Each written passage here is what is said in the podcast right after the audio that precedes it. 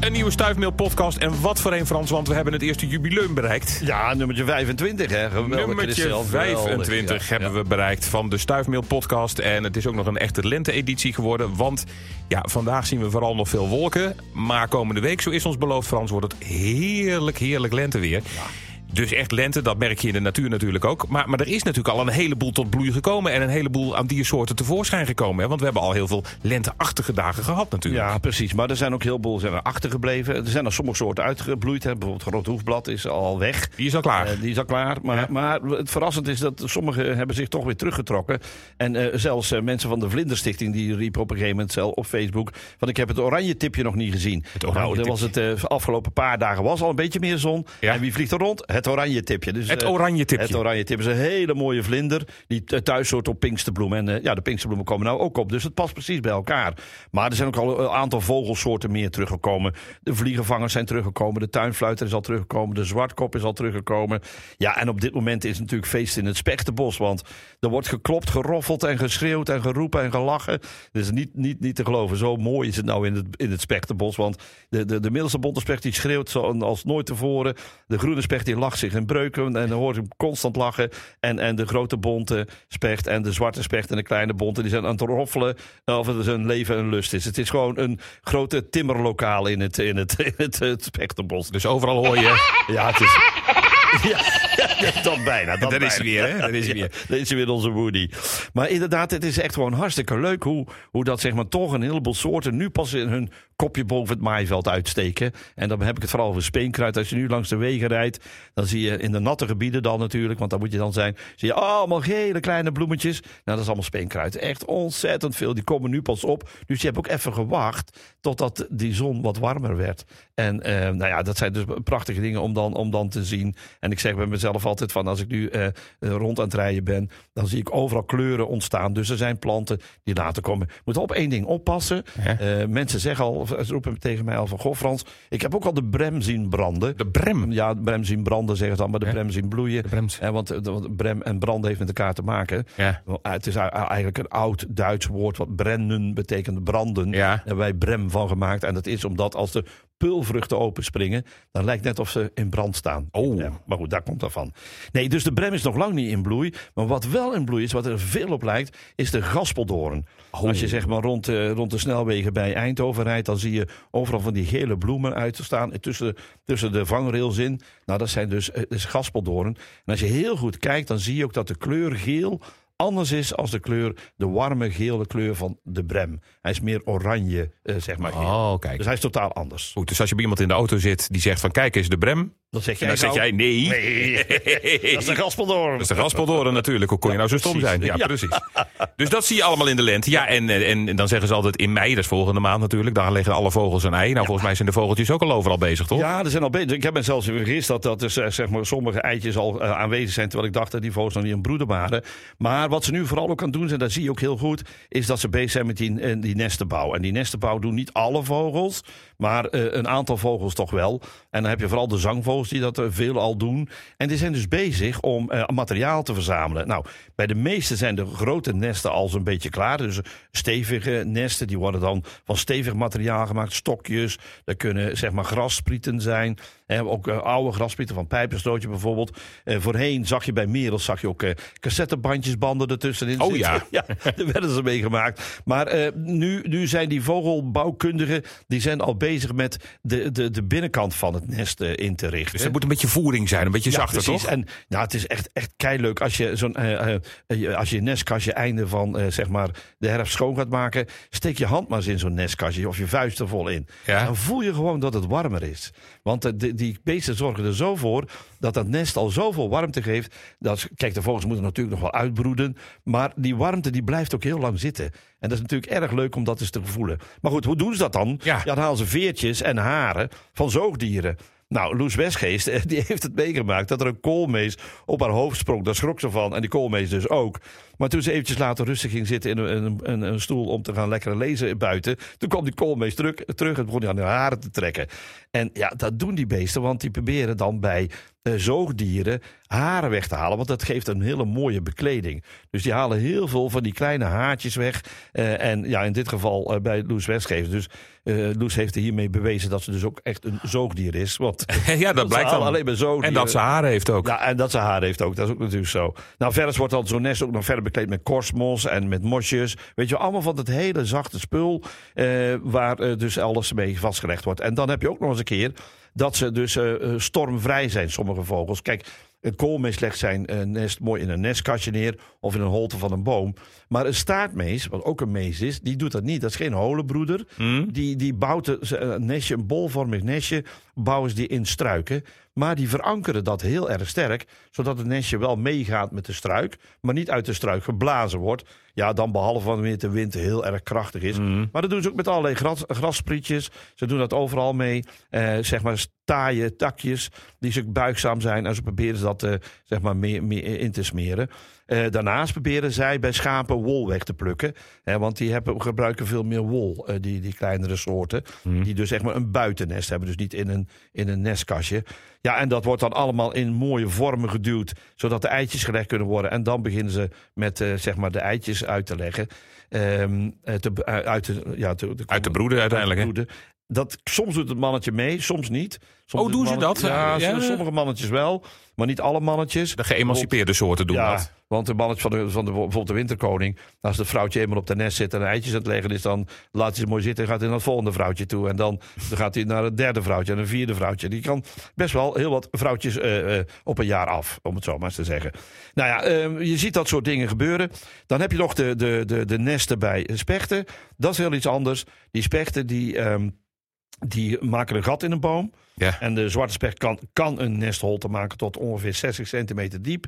En wat ze dan doen als bekleedsel in die... Ja, je, ziet dan, je hebt je hebt dan een rechte pijp naar beneden toe. En onder komt een beetje een bolvorm. Ja. Dan krijg je zo'n bolvorm onderin.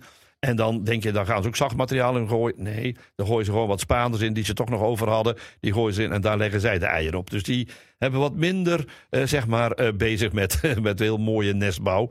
De lijster is daarentegen eentje die het het mooiste van allemaal. Dat bouwt het vrouwtje, vooral de zanglijster, bouwt het vrouwtje alleen maar de nest. Mannetje doet daar niks, die zit alleen maar Nee. te fluiten in een boom. Dus die zit al in zijn territorium aan te geven. En dat vrouwtje die doet dat ook met een beetje met leem. En die duwt met haar borst de vorm mooi kogel rond. Ja, dat is fantastisch. Dat zijn de mooiste nestjes die je Dat kunt vind ik de mooi. Nou, dat vind, nou, het mooiste nest vind ik van de zanglijster. Dat is dan een, een, een nest in een, in, in een boom. Eh, maar het aller, allermooiste nestje vind ik wel daarvan de, de staartmeesjes. Dat is een heel dicht netwerk waar één klein gaatje in zit waar ze in piepen. Nou, als je daar je hand in steekt, dan, nou, dan voel je dat die eitjes gewoon bijna alleen maar door het nestje uitgebroed kunnen worden. Zo warm is het eigenlijk. Zo warm, bijna al gelijk gekookte Ja, eieren. precies. Ja, Zo ja, hard. zo Zo hard gaat dat allemaal. hè. Ja, en dat gebeurt dan eh, allemaal in de boom. Als boom moet je je wel een boel laten welgevallen in de natuur. hè? Ja, het klopt. En daar hebben bomen die zijn ook weer helemaal aan het verdedigen zichzelf. Oké, bomen hebben- kunnen zich verdedigen. Ja, die verdedigen zich enorm. Ah, Allereerst hebben zij eh, of een eh, bepaalde eh, verschrikkelijke stank. Ja. Of ze hebben een, zeg maar een sap die vervelend is, looizuur. Ja. Of hars bij, bij, bij, bij naaldbomen. Eh, maar dan nog eh, bijvoorbeeld wat berken heel veel doen. Omdat berken toch iets meer last hebben van allerlei eh, vijandigheden, zal ik maar zeggen. Ja. Eh, als er een schimmel op in, in, in een klein gaatje duikt, omdat een klein gaatje Precies, want daar moet je aan denken. Hè? Want niet vogeltjes die mogen gerust komen van de boom. Hè? Maar, Ja, maar als een vogeltje wel een gat pikt erin, Ja. dan kan zo'n schimmel erin landen. En dan is het natuurlijk voor die boom wel vervelend. Precies. Nou, nou, dus, dus schimmels die in, in gaatjes komen bij bomen. Of insecten die eitjes erop leggen. Wat doen die bomen dan? En vooral die berken doen dat, kun je het heel mooi zien. Die kapselen het in. En Oh. dat begint met een heel klein bultje. En als het daarmee klaar is, dan is het klaar. Dan wordt dat bultje ook niet groter. Maar soms dan is die vijandigheid nog actief. En dan gaan ze dus nog meer eromheen zetten. Dan krijgen we dus hele grote bulten. En soms krijg je echt gewoon gigantisch grote bulten. En soms krijg je nog met bulten met, eh, die niet meer glad zijn, maar allerlei eh, ja, zeg maar, eh, randjes hebben. Oké. En dat noemen ze dan warrelknoesten in deze omgeving. In andere omgevingen noemen ze dat mazerknoppen of mazerknollen. En dat zijn dus zeg maar hele specifieke dingen die aan de buitenkant hangen. Eigenlijk kun je zeggen, het is een soort kankergezwel. Want in feite is iets vijandigs binnengedrongen. Ja, Nou, bij mensen is dat dus ook. ja. En dat willen we omkapselen. En dat doen de bomen dan ook. Die omkapselen die vijandigheid, die kanker omkapselen ze. En wat nodig is om hem zo groot mogelijk om, eh, te omkapselen, Want soms is maar, wat ik net al zei, een beetje nodig. Maar soms is heel veel nodig. Dan krijg je van die hele grote bulten op eh, eh, berken zie je ze heel vaak zitten. Dan Ja. krijg je van die hele mooie donkere zwarte bulten. Die zitten dan op berken. En dat zijn dus die warrelknoesten. Oké. Ehm, het is wel eh, vervelend voor die boom als, als dat die vijandige indringer nog steeds actief is. Want dat kan dan wel te zorgen dat de boom gaat sterven. En dat is dan zeg maar het, het laatste wat er dan gebeurt met zo'n boom. Dan heeft hij zich niet meer kunnen verdedigen en dan is hij gegaan sterven. Nou, dat gebeurt bij alle bomen zo'n beetje. Alleen bij de, eh, zeg maar bij, de, eh, eh, bij de berk gebeurt er iets speciaals. Daar maken ze soms, wat mensen ook al roepen, heksenbezems die in de berk zitten. En dat is dan omdat er ergens op een zeg maar takje is er een, dat kan zeg maar op een twijgje, maar kan ook op een takje zijn, is er een, een schimmel geland op die boom. En die zorgt ervoor dat die boom op die plek enorm gaat groeien. Er komen allemaal takjes uit, allemaal takjes. En dat noemen ze dan heksenbezems. En die zie je vaak in bomen hangen. Heel vaak denken mensen in eerste instantie wat ze zien is een nest. Nee, dat is geen nest. Dat zijn dus heksenbezems. En die werden vroeger inderdaad gebruikt om te bezemen. Dat werd al vaker uitgehaald om te bezemen. Nou, en wat er nog met die warrelknoesten gebeurt. eh, heel veel houtbewerkers zijn er dol op. Die hopen dat in hun omgeving een berg komt te staan waar zo'n warrelknoest op zit. Want dan krijg je prachtig mooie kunstvoorwerpen. Want dan ziet er van alles gebeuren in zo'n warrelknoest. En als je dat polijst, dan krijg je ja, hele mooie, kun je bijvoorbeeld hele mooie kleine krukjes van maken. Eh, dus die warrelknoesten worden nog erg gewaardeerd door meubelwakers. Kijk eens. En als je zo'n zo'n knoes ziet zitten, eh, eh, helpt het om die eraf te halen? Help je daar de boom mee of nee, juist nee, niet? want dan maak je het gat alleen maar groter. Jij beschadigt de boom dan nog verder en dan kan er nog meer eh, zeg maar, vijandigheden in komen. Dus je moet hem gewoon laten zitten. En wat die, wat die mensen doen, die, zeg maar de, de ma- mannen die dus die warreknoes laten gebruiken en polijsten om er iets moois van te maken, Ja. die wachten tot de boom echt aan het sterven is of dat hij gestorven is. En dan halen ze hem pas weg. Want zolang er nog leven in zit, kan dat nog zeg maar helpen dat, dat die boom die verdediging doorzet.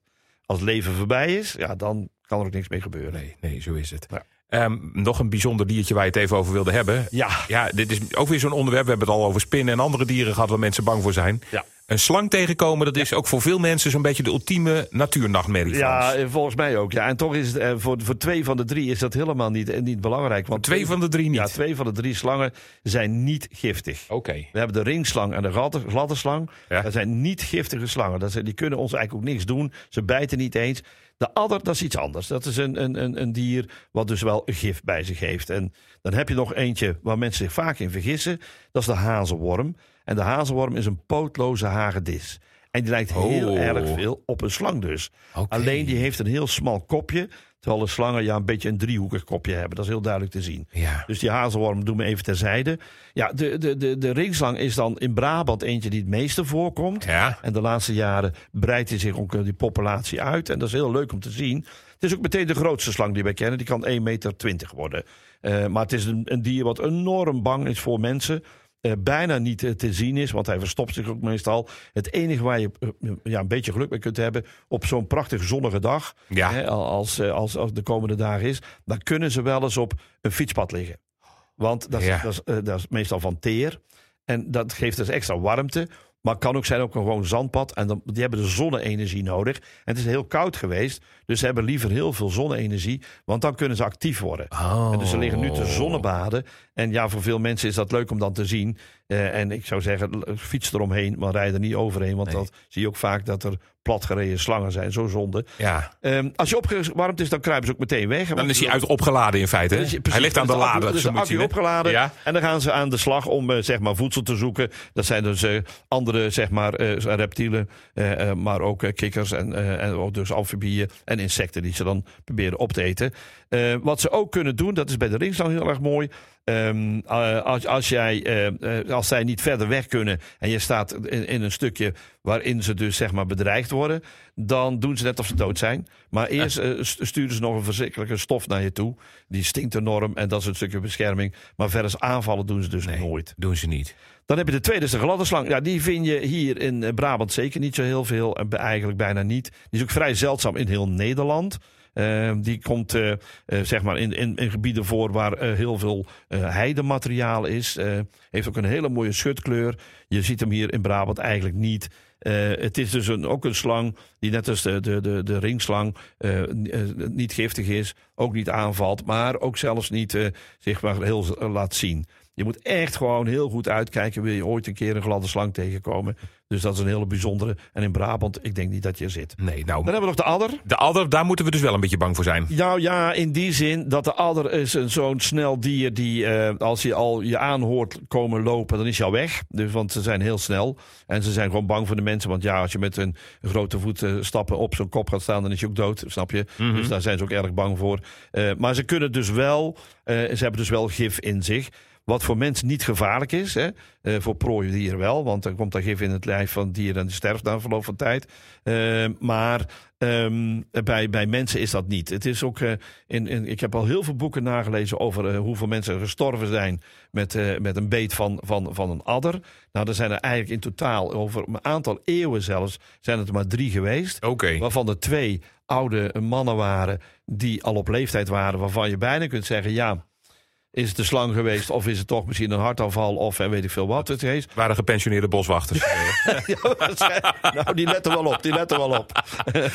nee, maar en de, ja, de derde die dan, tenminste wat ik dan gelezen heb, die eh, overleden is, was een, eh, een, een, een meisje van een jong stel. Ja. Die op de hei waren geweest. Ja, en dat heeft ze waarschijnlijk niet durven vertellen tegen de ouders. En daar is dus geen gif weggehaald. Dus die gif, Oh. als je het meteen weghaalt, dan is er eigenlijk niks aan de hand. Maar waarschijnlijk heeft zij niet durven te vertellen dat ze eh, zeg maar, iets had gelegen bij twee kontjes hoog.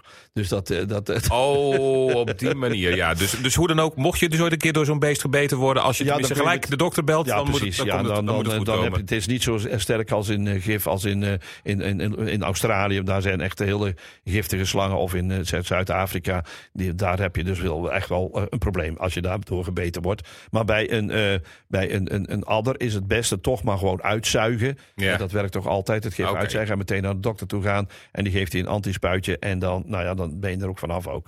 Dus dat is eh, verder is prima. Het mooiste van de adder, je kunt hem heel direct herkennen. Omdat hij een zigzagtekening op zijn eh, lichaam heeft.